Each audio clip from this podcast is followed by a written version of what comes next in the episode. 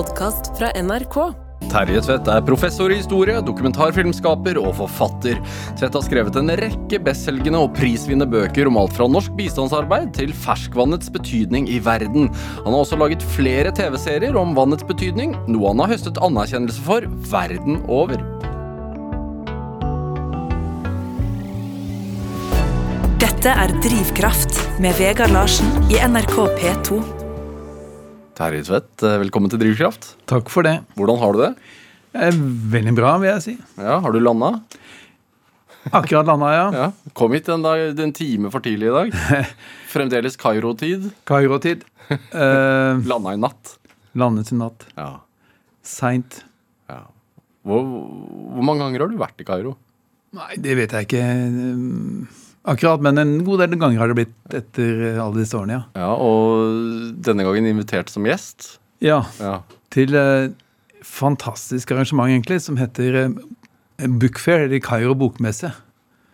Og dette er jo ikke som en hvilken som helst bokmesse, hadde nær sagt. De ventet mellom to og tre millioner besøkende. Altså halve Norges befolkning. Hvordan, Det var helt arter det fantastisk. Nei, altså det er enormt område.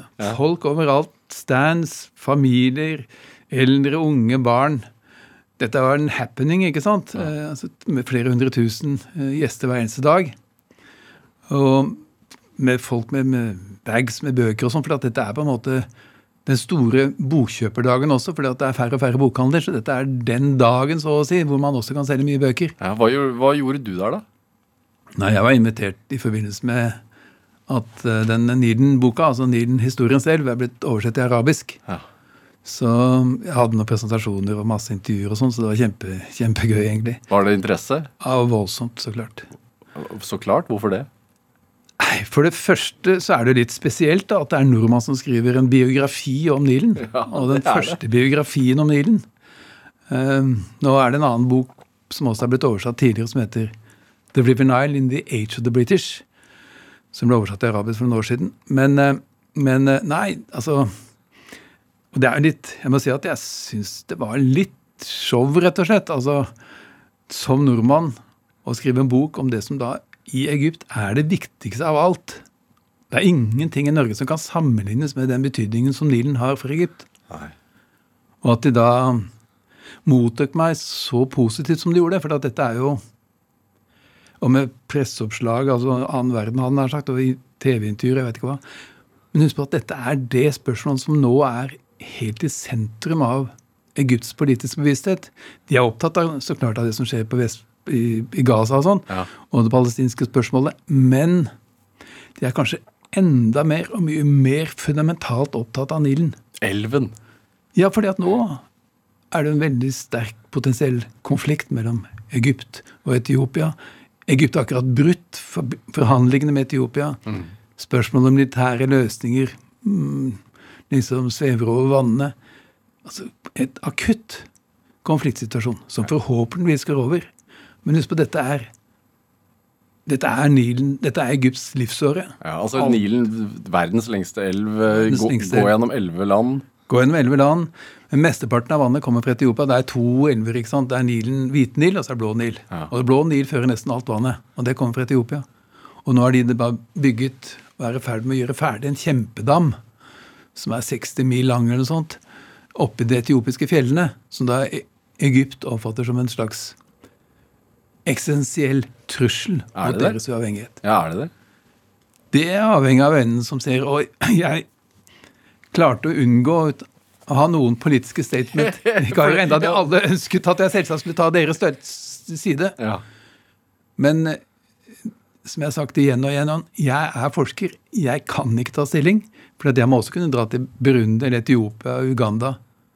Og det har jeg på en måte erfart at jeg har kunnet. Jeg har blitt, altså Statsledere og politikere har, har liksom akseptert at jeg er der for å forske. Jeg er der ikke for å drive politikk. Nei. Jeg har ingen annen agenda enn å forstå.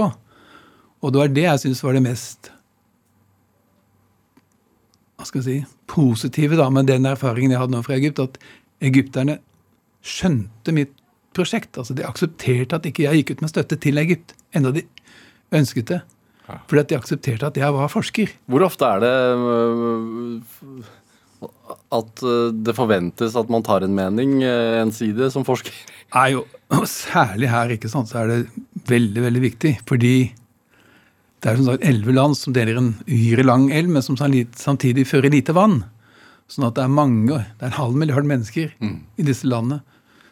Og alle er så klart ikke like avhengig av Nilen, men alle har en eller annen interesse i å utvikle sitt forhold til Nilen og bruke mer av den.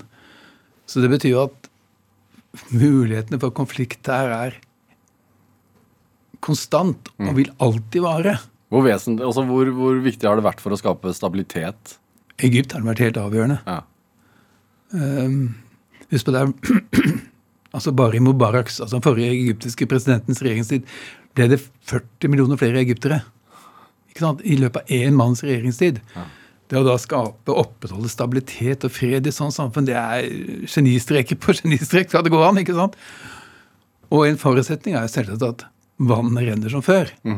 I og med at det er deres hov viktigste hovedkilde både til jordbruk og til drikkevann og til alt vann skal være. Hvor godt har egypterne nytt av Nilen i forhold til de andre ti landene?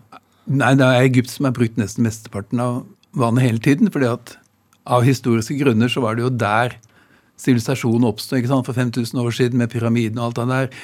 Grunnen til at pyramidene kunne bygges, var at du hadde et jordbruk som var ekstremt produktivt, som igjen kom av at de brukte Nilvannet på en effektiv måte. På et tidspunkt da landet oppstrøms ikke brukte dette vannet i det hele tatt, det bare rant forbi dem. Ja. For det var ikke mulig å drive med irrigasjon der oppe på samme måten. Eller kunstig vanning. Sånn at nei, Egypt er liksom Nilland, og de oppfatter naturlig nok på mange måter Nilen som deres elv. Og det er det som nå er i ferd med å endre seg. da. Føler du når du er i Kairo at, eh, at det var der sivilisasjonen oppsto? Det vet jeg ikke. altså jeg, jeg, jeg, Hva slags by er det? Nei, Det er jo over 20 millioner mennesker her. ikke sant? Jeg er jo en av de som da liker det er enormt mye støy. ikke sant? Men jeg blir energized, som det heter. Eller jeg får energi av denne voldsomme bråket på et eller annet vis. Eh, det er mange vil si ikke så rent overalt. Og så bygger de svær, helt, hele tiden nye bydeler. Det var en helt ny bydel som jeg aldri hadde sett før, som vi bodde i nå. Ja, har du noen rutiner når du er der? Ja, én. Hva er det? Det er alltid jeg er nødt til å gå ned til Nilens bredder og se elven i solnedgang. På et bestemt sted, eller? Bestemt sted. Hvor er det, da? Sofetel Sofitel hotell. Ja. Eh. Hvorfor har du valgt det? Der er eh, elven helt nær deg. Du vil alltid se solnedgangen. Og du hører denne armadaen av bråkete båter som går forbi hele tiden. Med arabisk musikk og hva det skal være. Uh, nei, det er bare Det er Kairo for meg. Ja. Hva tenker du når du står der, da? Nei, gøy her. Dette er Drivkraft med Vegard Larsen i NRK P2. Og i dag er eh, professor i historie og forfatter Terje Tvedt her hos meg i Drivkraft eh, på NRK P2. Dette med uh, det at du var på en bokmesse nå i, i Kairo og ble tatt imot som en helt, holdt jeg på å si, fordi at du er utlending da, som har skrevet om Nilen, og en av få. Hva, i all verden får da en, uh, en utlending til å skrive om Nilen? Ja, jeg vil si at jeg vet ikke om jeg blir opptatt som, mottatt som helt. Ja, det, Det var mine ord. Ja, ja, Ta nei. det til deg. Ok, Men de syns det var veldig interessant. Nei, hva som får en utlending til å holde på med dette, det er jo Eller hva som får en nordmann til å holde på med, det er enda eh, pussigere.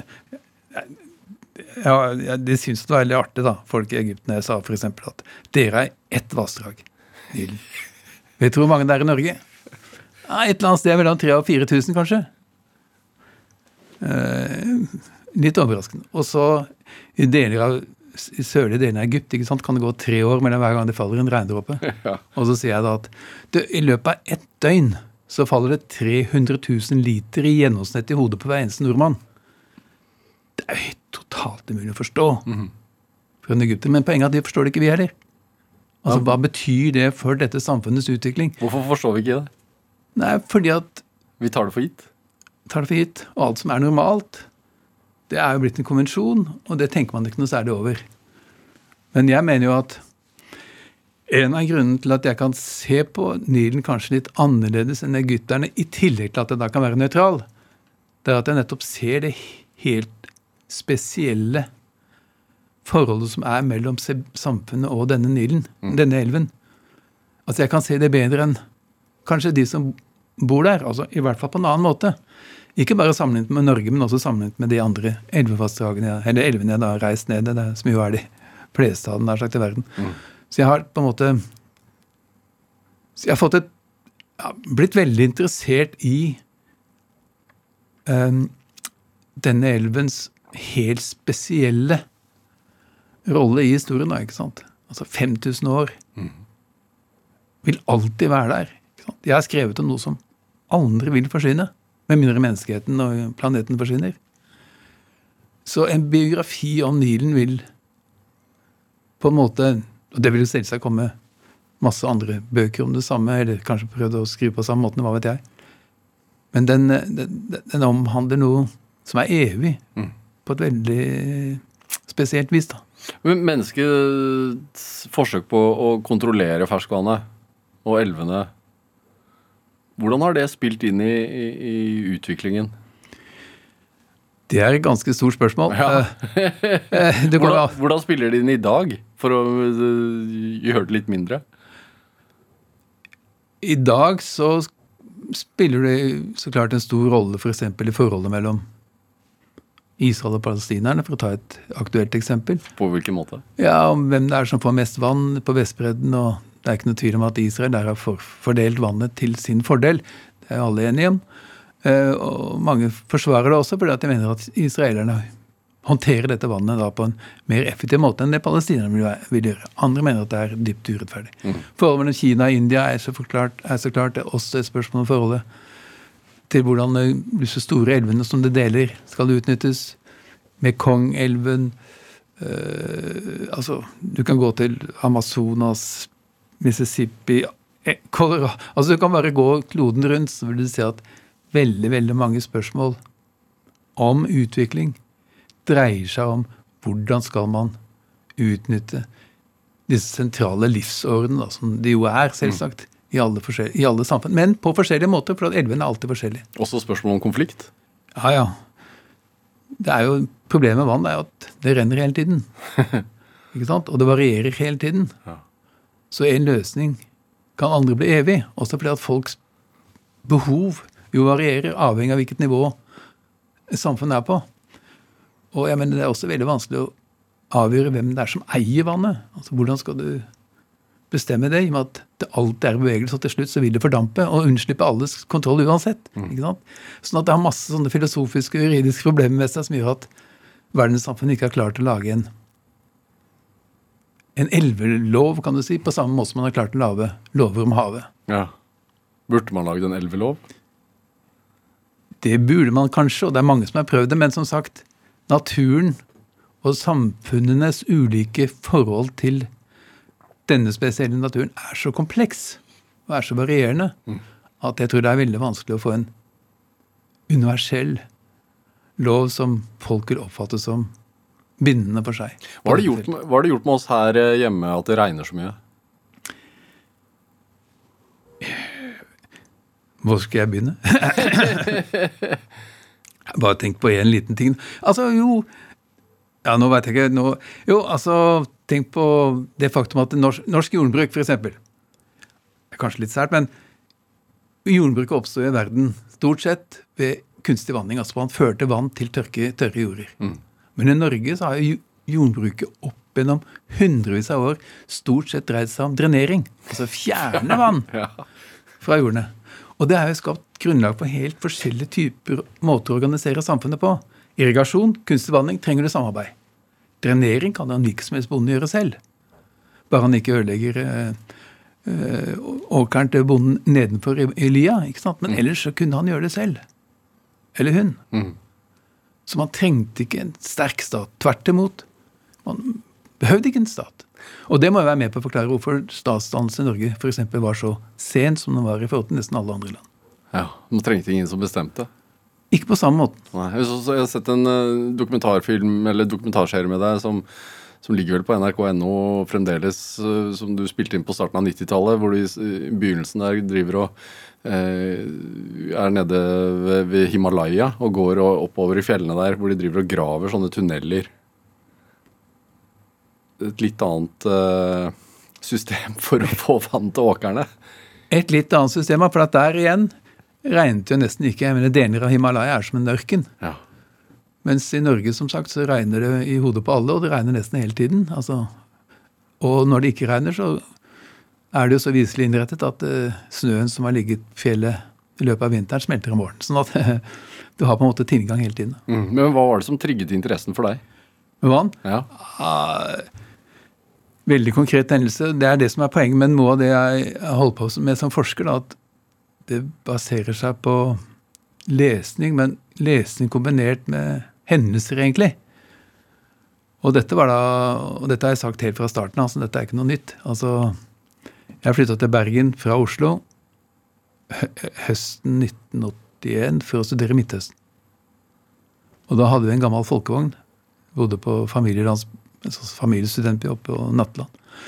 Og det var hull i gulvet. Fordi at den er rusta opp. ikke sant? Det var den billigste versjonen av folkevogn du kan tenke deg. Og det betød at hver gang det regna, så måtte jeg ha på meg gummistøvler.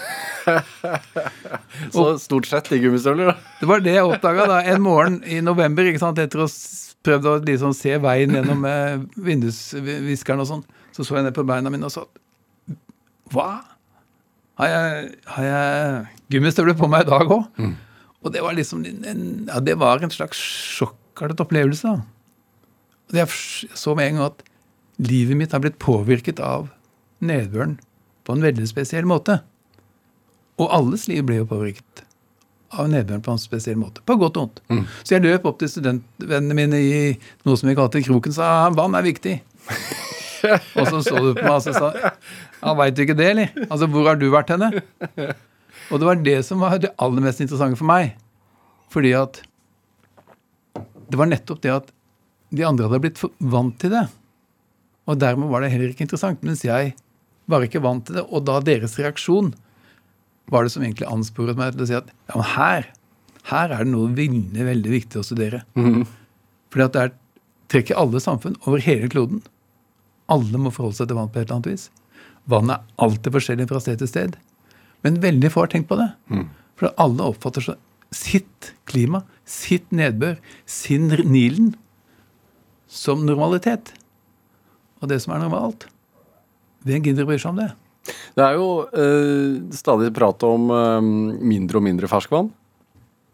Nei, det kan det ikke være. Det er ikke det? Nei, det er like mye vann hele tida. Mer eller mindre pga. den hydrologiske sirkelen. Ja, Vi blir flere og flere, da. For, blir flere og flere. Behovene øker. Ja, Så det er det, det som er problemet, da. Knappheten øker. Ja. Men mengden vann vil kanskje noen si til og med at øker, men det er noe så. Ja. Jeg leser stadig om indiske storbyer som går tom for ferskvann tidligere og tidligere. Ja, Men det er mye økt forbruk. Og så kan det at det er noen endringer i monsunens væremåte og sånn, men uh, Hvilke utfordringer vil vi møte i årene som kommer? Veldig veldig varierende fra land til land. ikke sant? Norge har jo våre utfordringer og diskusjoner om strømpriser og utenlandskabler. og Det dreier seg egentlig om vann. Ja. For det er jo kraften er jo ikke abstrakt. Den kommer jo av vann som leder i rør, og som renner og renner og renner. Mm. Så det er, kan du si er vår greie, eller er Norges greie for tiden.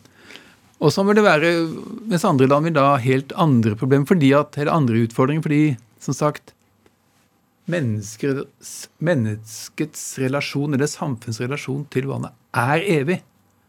Og du vil alltid gjennomgå endringer i takt med teknologisk utvikling, mm. befolkningsutvikling, samfunnsmessige behov osv. Så videre, sånn at det er umulig å komme opp med en blueprint. altså Du må alltid analysere hver enkelt sak for seg. Mm. Uh, og Det er derfor da, f.eks. For, for meg at Nilen har vært interessant, og andre, og andre vassdrag og, og, Norge. da, Jeg skal nå begynne å undersøke Norge mye mer. På sin måte. Nettopp fordi at de alltid vil være forskjellige. Og da kan du bruke samfunns forhold til vann som en slags inngang, mm. som kanskje ikke så ofte er brukt, til å forstå hvorfor samfunn utvikler seg sånn som de utvikler seg, og hvilke utfordringer de eventuelt vil få i fremtiden. Mm. Hvilke utfordringer vil vi få i Norge? Det er som du sier at du skal utforske mer og mer nå. Nei, altså Det kommer jo helt an på hvordan du altså, Klimausikkerheten er jo for meg først og fremst en usikkerhet om hvordan vannet kommer til å renne i fremtiden. Altså Jeg kaller det vannusikkerhetens tidsalder. Fordi Mer enn klima... Ja, for at for mennesket så er jo klima kommer jo til uttrykk Hvem er det som merker at det er en eller to grad mer i løpet av et år? Du merker jo ikke det. Men du merker det om renner det mer, renner det mindre. Blir det tørke eller ikke tørke? Smelter isbreene, smelter Det vil man merke det på. Så vannusikkerhetens tidsalder er kommet for å bli, også fordi at man jo nå vet at klimaet endret seg radikalt opp gjennom historien. ikke sant? Men Første gang vi fikk vite om istid, var jo på forrige århundre. Eller på 1800 på 1800-tallet, mener jeg. Til og med en nordmann som eh, var veldig ledende i, i å oppdage at det hadde fantes én istid. Nå vet vi at det har vært 40. Så alle vet jo at klimaet vil endre seg. Og alle vet, og ikke minst da nordmenn bør vite det, i og med at jo Norge ble bosatt i kjølvannet av at vannet endra form. Altså isen smeltet, og det ble mulig å bo her. Så Nei, her er det, det er et enormt felt, da. Som du kan holde på med. Som jeg ikke rekker å gjøre alt med, Ja. dessverre. Men det er jo, du, du, du liker jo å gå i, i detaljer i, i, når du begynner å forske på disse store feltene. Altså, sånn som Nå har du jo skrevet en, en, en ny eh, stor bok om, om vannhjul. Eh, og, og da tenker jeg jaha, hvorfor det? Nja, den handler Altså, den handler jo om, etter min mening Eller ikke etter min mening, alles historikeres mening, egentlig, om en av de aller viktigste hendelsene i verdenshistorien, nemlig den industrielle revolusjonen. Altså den moderne verdens fremvekst. Og det spørsmålet jeg stiller, det er jo hvorfor var det sånn at Europa, og England spesielt, da gikk i spissen for å bryte eller for å bryte ut av jordbrukssamfunnets rammer. Etterpå kom alle landene. Og hvorfor var det ikke Kina? Som jo var mer utviklet på mange måter enn det engelskmennene var så klart på 1500-tallet. Eller hvorfor var det ikke det osmanske imperiet? Hvorfor var det ikke Frankrike, Nederland? Hvorfor akkurat England? Og Dette er et spørsmål som mange er opptatt av nå, ikke sant? fordi at verden er i ferd med å endres. Maktforholdene kanskje forskyves fra Europa til Asia. Altså, så folk begynner å lure på igjen hva skjedde den gangen. Og da har jeg da funnet ut Det er en lang historie, da, men fortellingen om at det var dampmaskinen som var den avgjørende teknologien, den er feil. Når det gjelder den første industrielle revolusjonen. Spilte ingen rolle. Ikke transport. Overhodet ikke. Spilte en helt marginal rolle innenfor industrien. For at industrien, de første maskinene ble drevet av vannhjul. Overfallshjul som, altså hvor vannet rant på en spesiell måte ned på hjulene. Og jernindustrien, som jo var det som var forutsetning for å kunne bygge dampmaskiner og kunne bygge presisjonsverktøy og presisjonsmaskiner, den ble også drevet av vannhjul. På dette tidspunktet. Altså i den første industrielle revolusjonen fram til 1820. Og da ble alt avgjort på en måte i 1820. Da var England King Kong når det gjaldt kått bomull. De var eh, herskere på verdens hav. De hadde den største økonomien. Og var i ferd med å bli verdens største imperiemakt. Fordi at de var først ute med vannhjulene?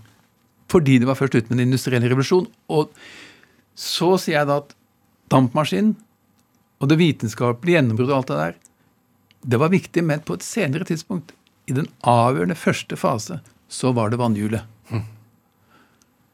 Eh, og det betyr da at du må tenke helt nytt om hva den industrielle revolusjonen faktisk var. Altså at det var ikke først og fremst en enorm teknologisk innovasjon. Det var i veldig stor grad en annen måte å utnytte vannmannskapet på. Tilpasset den moderne situasjonen når det gjaldt muligheten for å produsere saker og ting, og behovet for å transportere ting over lange avstander. Hva var starten? Hva ble det brukt til i starten? Vannhjul? Ja. Nei, du vet, et, Paradoksalt nok så er nettopp denne teknologien som da drev fram den industrielle revolusjonen, et av den eldste teknologien som menneskeheten hadde. Den var jo 2000 år gammel. Hvor den ble oppdaget, vet man jo ikke. Var det Kina, var det Roma, var det gamle Hellas, var det Persia?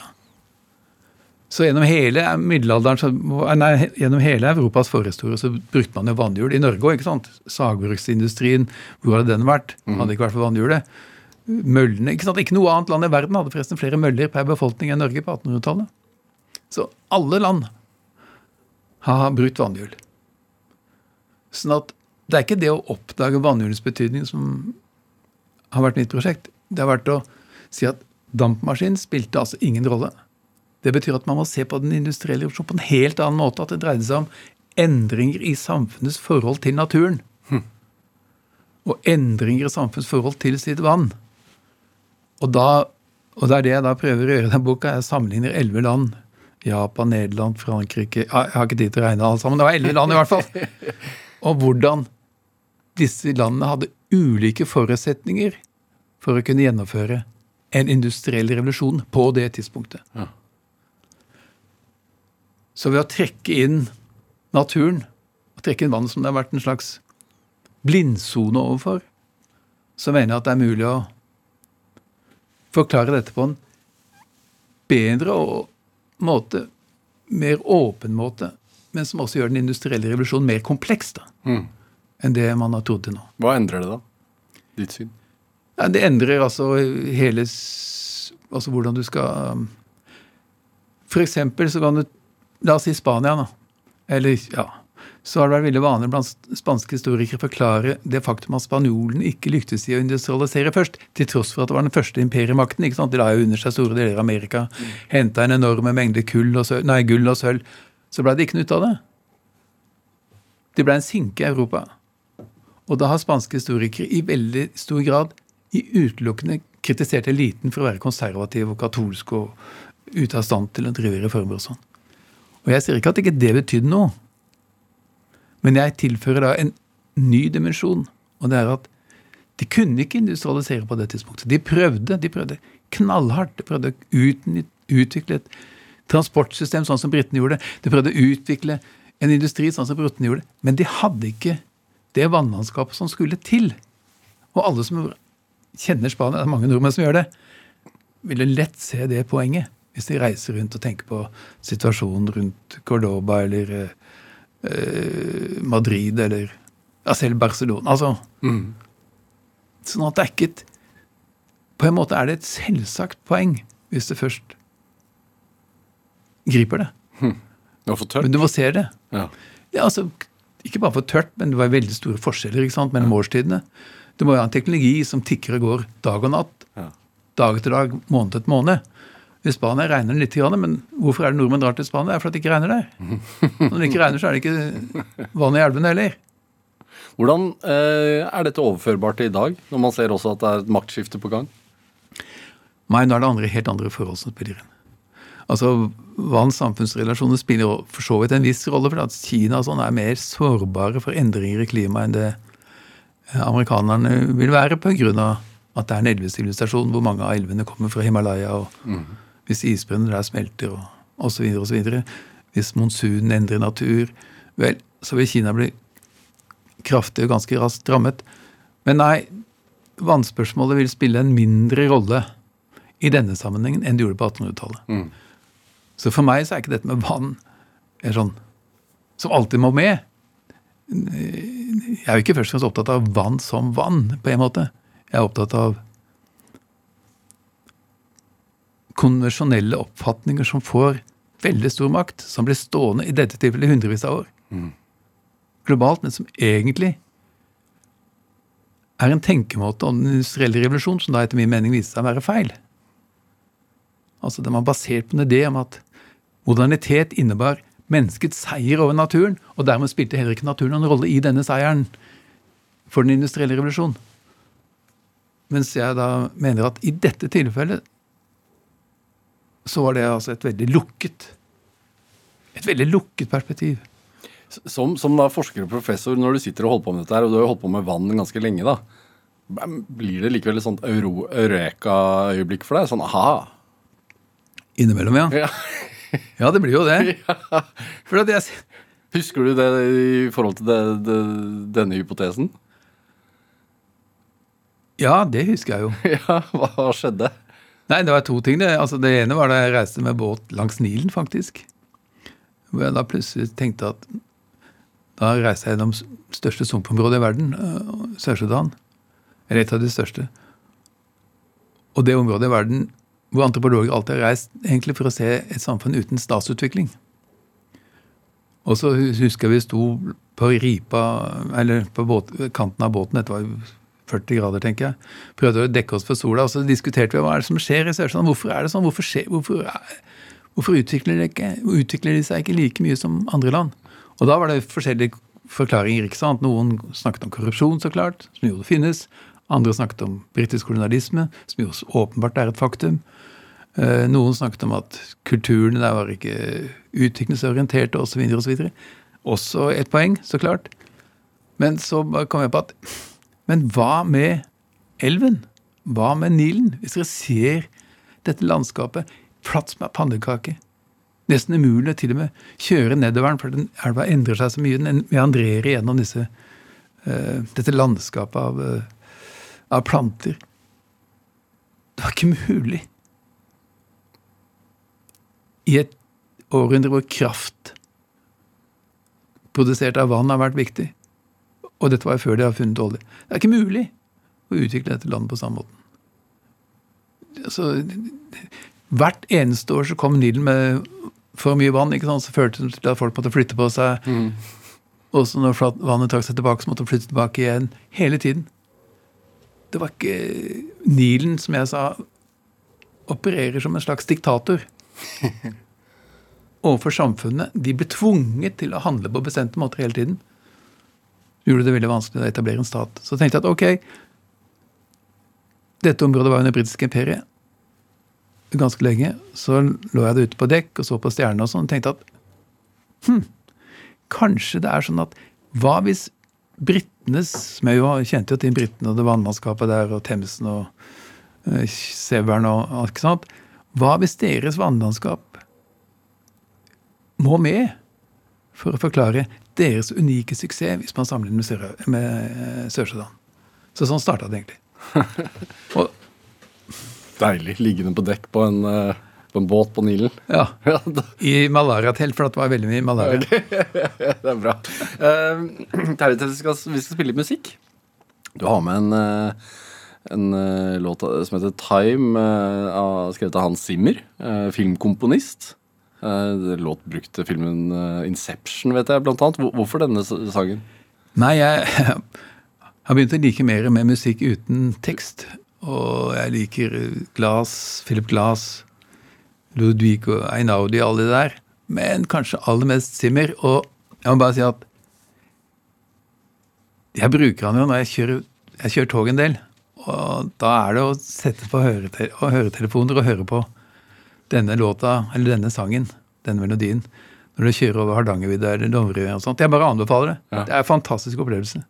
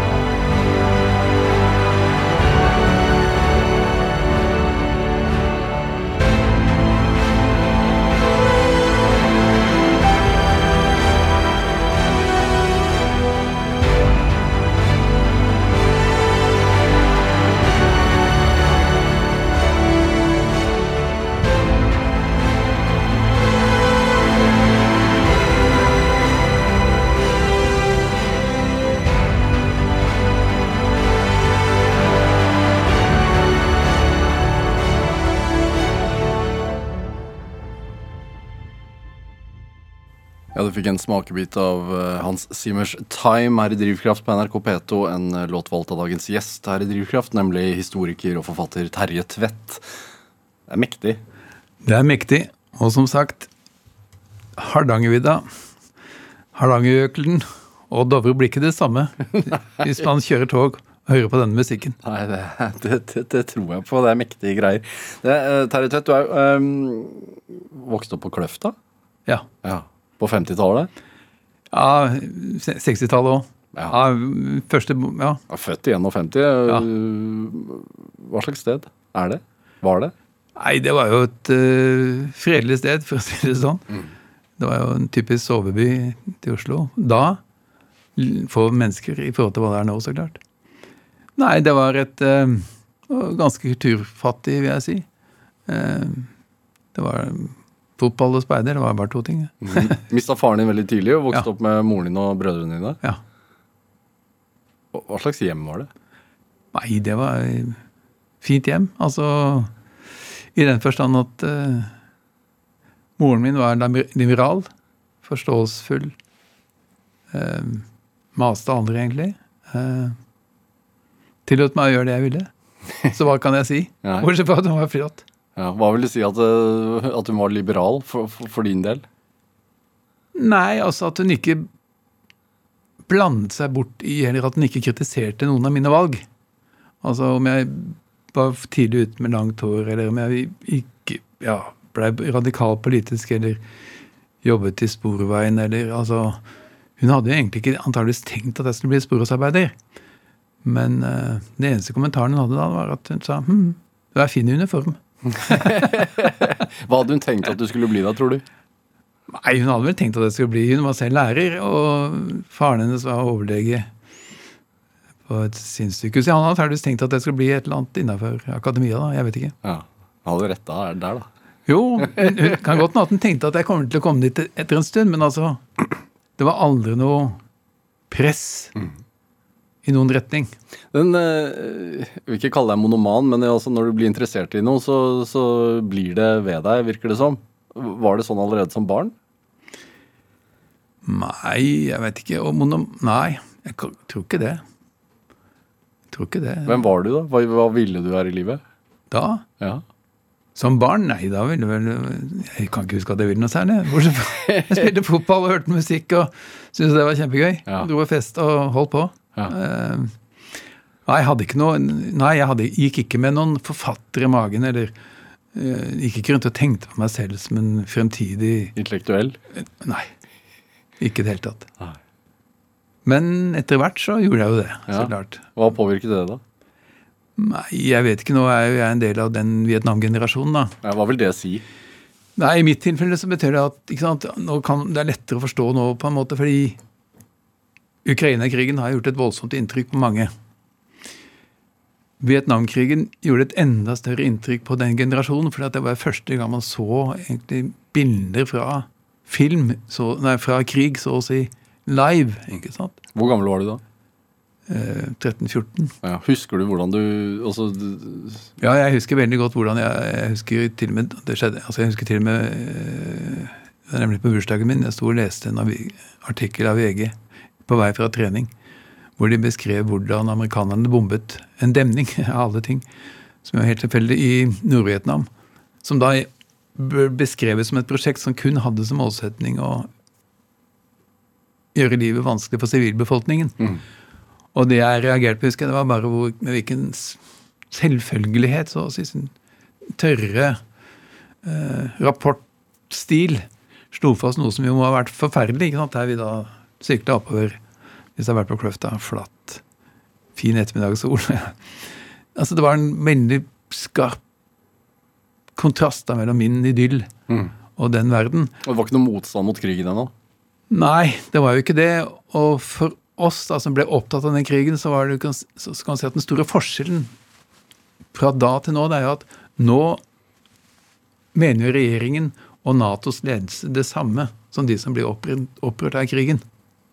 Mens da så var det sånn at USA og den norske regjeringen de var for krigen. Eller de gikk i hvert fall ikke sterkt mot den. Mens det var jo det som da opprørte mange av oss, først og fremst. Altså, Vi så en hva vi mente var en urettferdig krig. For hva hadde vietnameserne gjort amerikanerne? Mm. Og ble da naturlig nok mer radikale vis-à-vis alle mulige slags offentlige fortellinger om verden. Fordi at de som vi da trodde, hadde trodd på, viste seg dette, i denne situasjonen, sånn som vi så det da, å representere det stikk motsatte av hva de sa de gjorde. Mm. Nemlig overgrep, vold, krig osv. Så, videre, og så, videre. så det ble så klart en skjellsettende for meg opplevelse. Og en identitetsmarkør? Ja, det vil jeg si. Ja. For det var sånn man ble opptatt av tredje verden, som det het på den tiden. ikke sant? Jeg ble da veldig radikal, ble en del av M-bevegelsen. Som vi gikk inn i med intensjoner om øh, Jeg det, jeg har alltid oppfattet meg selv som antiautoritær, men endte opp i en bevegelse som viste seg å være ekstremt autoritær, uten at man egentlig skjønte hva som foregikk. Eh, sånn at det er også en forbindelse mellom den opplevelsen av Vietnamkrigen som veldig, veldig mange hadde, og det å da bli en del av en politisk bevegelse som viste seg å være noe annet enn det jeg hadde tenkt meg når jeg gikk inn i den. Mm. Hvor lang tid tok det før du innså det? Nei, Det tok jo skal vi se, jeg, la oss si syv-åtte-ni år, tenker jeg. Fra 19, ja. Ja. Men så kan jeg si at det som jeg gjorde, som jeg da er veldig fornøyd med, det var at jeg en, tok initiativ til å skrive en bok om M-bevegelsen, som het Maoismen. Uh, ML het den, i parentes maoisme på norsk. og det som var styrken ved den boken, har jeg tenkt på ettertid, og det mente vi også da, det er at den Vi skyldte liksom ikke på at vi ble forrådt av noen, eller at uh, det var andres feil. Altså Vi gikk inn i den og så stilte vi spørsmålet hvordan kunne vi ende opp med å slutte opp med en bevegelse som jo i utgangspunktet også hadde masse politiske trekk som man kan si at fortsatt kan forsvares. Altså man var for at landet ikke skulle bli angrepet av stormakter. Man var for at man skulle ha demokratiske rettigheter osv. Man var for at arbeiderne skulle organiseres. altså Man var for mye bra, men alt sammen ble pakka inn i en ideologi mm. og en tenkemåte. Og det er det som er nøkkelen her. Det var den tenkemåten som vi da prøvde å forstå. Hvordan var det mulig at vi endte opp der? Som ingen av oss ville ende opp, egentlig. For at vi var jo ikke, vi, var, vi, vi, vi oppfattet jo ikke som verdensmestere. Vi oppfattet oss ikke som øh, noen som representerte vitenskapen og sannheten på en måte. Altså, vi gjorde det òg, men alltid med en viss tvil. Mm. Eh, så ved å bruke såpass lang tid da, på å tenke gjennom hvordan var det dette mentalitetsskiftet skjedde i sitt eget hode, nærmest, så tror jeg at jeg ble mer bevisst over betydningen av å tenke kritisk omkring tenkemåter i generelt. Mm. Altså, Det er mange som har snakka om dette, men Nietzsche, for eksempel, den tyske filosofen, sa jo at fortolkninger, så, altså den fortolkningen som til enhver tid dominerer, er som regel en funksjon av makt, og ikke sannhet. Altså Mange har sagt noe av det samme, men tenkemåter som er dominerende Det er ikke dominerende nødvendigvis fordi det er rett, men fordi at det representerer en annen slags form for makt. Mm. Og det interessante var at vi selv ble bærere av denne tenkemåten. Vi selv ble makthavere, så å si, for denne tenkemåten. Mm. Hva har du gjort med det i ettertid, da? Nei, og det er, Kritisk til all makt? ja, på en måte. I hvert fall forsøkt å være veldig kritisk til tenkemåter som til enhver tid dominerer. Fordi det er jo sånn, en- som en annen filosof, dansk filosof Kirkegård sa jo at den som, eh, gift, den som gifter seg med tidsånden, blir fort enkemann. altså, den som tror på det som dominerer, den blir fort alene fordi at tenkemåter skifter. Mm. Hvilke tenkemåter dominerer i dag, ser du da? Nei, nå mener jeg at jeg prøver, jeg driver, nei, nå mener jeg at i, Dette vil jo også variere fra land til land. da. Og nå mener jeg at tenkemåten Norge er en veldig Det er klart det er dominerende tenkemåte, men det er, det er på en måte i endring på veldig mange områder. Dette er veldig komplisert. Jeg skal komme tilbake til dette rett og slett i en bok om ikke så altfor lenge. Eh, så jeg Sånn at jeg, ikke, jeg kan ikke og vil ikke svare på det kort. Men, men, eh, men, eh, men mitt poeng er da at skal man holde på med forskning, skal man holde på med forskning, og skal man ha uavhengighet som en forskningsideal, så krever det rett og slett at man kontinuerlig tenker kritisk over de tenkemåtene som er dominerende. Mm. Fordi at de endrer seg jo. Det er ikke noe man kan gjøre én gang for alle. liksom. Man kan ikke si at ja, jeg tenkte gjennom Tenk, Nei, men de endrer seg jo. Mm. Så det er en veldig krevende prosess, men selvsagt veldig, veldig interessant. Og hele tiden tenke ja, men hvorfor er denne tenkemåten så populær nå? Også, for det er jo sånn at vi alle blir påvirket av ideer og tenkemåter. Men, men jeg tenker da at det må være en fordel å tenke gjennom de ideene og tenkemåtene man blir påvirket på, istedenfor ikke å gjøre det. Ja, Vi lever jo i en tid hvor man er veldig for eller imot. Ja. For eksempel. Har du følt på det å uh, ta en posisjon i midten og, og veie begge sider? Ja, jeg prøver jo på det, selv om det er veldig sjelden vellykket. For jeg blir allikevel alltid oppfattet som en eller annen eh, partisk deltaker. Men jeg prøver jo på det. Fordi at jeg mener jo at forskning skal prøve å forstå og reprodusere hva andre folk mener, og ikke først og fremst være et prosjekt for å fremme sine egne synspunkter. Nå kan du si at jaha, sier du som snakker om vann og sånn. Ja, men poenget er at jeg har ikke noe Jeg har aldri prøvd, tror jeg, å liksom Jeg har aldri prøvd å hevde at det jeg har kommet fram til, er den eneste og den endelige fortolkningen på dette. Mm. Jeg tror jeg hele tiden sagt at dette er min fortolkning, og jeg kan forsvare den to the bitter end, så klart. Men samtidig vel vitende om at det bør jo selvsagt ikke være fullstendig rett. Det kan til og med at de har store mangler, og kanskje det viser at den til og med er feil. Du har, fått, eh, du har klart å skape debatt noen ganger. Ja. Annet eh, når du har skrevet om norsk bistandsarbeid. Ja. Eh, angrer du på det i dag? Nei. Nei, Nei overhodet ikke. Uh, jeg Hva handlet det om? Hvorfor fikk du så mye kjeft? Nei, altså nå I ettertid så vil jo de fleste si at Og jeg mener veldig mange Dette sier jeg ikke altså Dette vil veldig mange være enig i at den politikken som jeg på det tidspunktet kritiserte, er en politikk som ingen i dag vil forsvare. Og veldig veldig mange vil si at jeg hadde helt rett. Og Det var jo fordi at jeg sto utenfor og så nemlig at dette var tenkemåter som var historisk festet. Ja, Hva handlet det om, kort, kort oppsummert? Nei, Det handlet om hvordan man tenkte om hvordan land skulle utvikles. Det er ingen som snakker sånn om utvikling av land som man gjorde på det tidspunktet. Mm. Det snakker om hvordan man snakket om menneskerettighetenes universalisme, som færre og færre snakker om nå. Eh, det snakker om, Jeg har jo hele tiden vært opptatt av, vært opptatt av tre forskningsprosjekter, forskningstema egentlig. Det ene er Vestens forhold til den ikke-vestlige verden. Altså britisk kolonialisme, imperialisme og norsk bistand. To forskjellige varianter av det samme.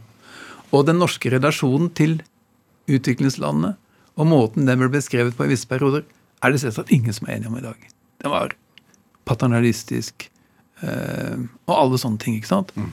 Så nei, jeg, akkurat når det gjelder eh, kritikk av bistand, så må jeg si at eh, Jeg tror jeg i hvert fall hadde en rolle i å skape en større rom for eh, debatt mm. eh, enn det som var enn det som har vært tilfellet dersom jeg ikke hadde holdt på med dette. Hvilke personlige opplevelser eller betraktninger lå, lå bak det engasjementet? Denne interessen? Nei, altså Det hadde jo igjen sammenheng med at jeg mente at bistanden hadde en veldig stor betydning for hvordan nordmenn tenkte om verden på dette tidspunktet. Det var den måten altså, Verden ble sett gjennom bistandsøyne i veldig lenge. Vi kan rett. Vi må hjelpe de andre. Vi må hjelpe de andre. Norge har Og man, man, man så på en måte på utviklingen som naturlig altså, altså Mange, mange mange forskjellige ting, elementer. Eh, så for å, å etablere uavhengighet generelt så mente jeg at det var nødvendig å forholde seg kritisk til den dominerende måten å tenke bistand på. Du har vært bistandsarbeider selv. Ja, ja og det kan du si at det, hvis det, er, og det er klart at øyeblikket jeg bestemte meg for dette, og jeg har sånne øyeblikk, det var, og det har jeg også sagt hele tiden, siden det skjedde. Jeg har jobbet for FN i Sør-Sudan, for UNHCR, altså FNs flyktningorganisasjon. Og da står jeg og snakket for et svært folkemøte for at jeg skulle liksom ha, snakke med folk. Og hvordan, eh, hva, vi, hva vi skulle gjøre disse leirene da. ikke sant? Og da oppdaget jeg mens jeg snakket, at det, hva, er hva, er det, som kommer ut av munnen min? Altså, det, er, det, er, det, er, et språk som egentlig ikke betyr noe. Det er et sånn universelt bistandsspråk som for dem som jeg snakket til, må være helt uten, uten relevans. Hva er det, da? Eksempel? Nei, det var sånn altså, Det var retorikken som hersket på det tidspunktet. ikke sant? Participation, up and down and up. altså Masse sånne for så vidt kanskje interessante, brukbare slagord i bestemte sammenhenger. Men det var helt malplassert da jeg sto og snakket under uh, uh, tropestolen i Sør-Sudan. Det var totalt malplassert. Så jeg mista språket, som jeg sier. Og var nødt til å finne ut hvordan endte jeg der? Hvordan endte jeg Jeg som liksom skulle prøve å forstå verden, hvordan endte jeg opp med et språk som gjorde det helt umulig å forstå den? Det, hvorfor, hvorfor, tror du at du stadig havner i situasjoner hvor, du, hvor det går opp uh, lys for deg? Altså hvor du tenker uh, Tankemønsteret ditt endrer seg? Nei, jeg håper at det er litt sånn som han eh, Du har sikkert hørt om han rockemusikeren Frank Zappa. Han sa jo at um, sinnet er som fallskjermen. Det må være åpent skal det fungere. ja, hvordan holder man et åpent sinn, da? Jeg tror at en måte å holde et åpent sinn på, det er å være kritisk til tenkemåter. Og tenke at tenkemåter er ikke nødvendigvis dominerende fordi de er sanne, mm. men fordi det, det, også handler om makt. Mm. Hvor lett er det i dag? Det er ikke lett. Eh, eller lett og lett. I Norge er det jo lett. altså... Ja, men du er avhengig av en frihet? da? Ja, man må avhengig av frihet. Man må på en måte ha skaffet seg det rommet. Og det er jo kanskje ikke, og det er klart at det er ikke så lett for alle å verken ta seg tid til det eller få institusjonell muligheten til å gjøre det osv. osv. Men, men, eh, men, i, men i Norge så er det jo ikke farlig på noen måter. Eh, det kan være litt ubehagelig når det gjelder kritikk og sånn, men eh, Nei, det er rett og slett bare en For meg er det bare en overbevisning. Det er sånn man som forsker må leve, skal man kunne være virkelig uavhengig. Mm. Er du det ellers også i livet? Altså Føler du deg fri til å reise hvor du vil og gjøre hva du vil til enhver tid? Nei, nå har jeg en familie som jeg, som jeg håper Ja, men ellers er jeg jo fri. Ja. Uh, men jeg vil jo helst sitte og skrive. er det, hvordan er det hvis du tar feil noen gang? Liker du det? Nei, altså Har jeg tatt feil, kan du si? Jo, nei, det har jeg så klart gjort. Ja, altså, Jeg har jo tatt virkelig feil. Jeg har skrevet om eh, f.eks. Eh, ML. Altså, jeg, jeg har jo tatt fundamental feil. Mm. Og har prøvd å forstå hvorfor jeg gjorde den feilen.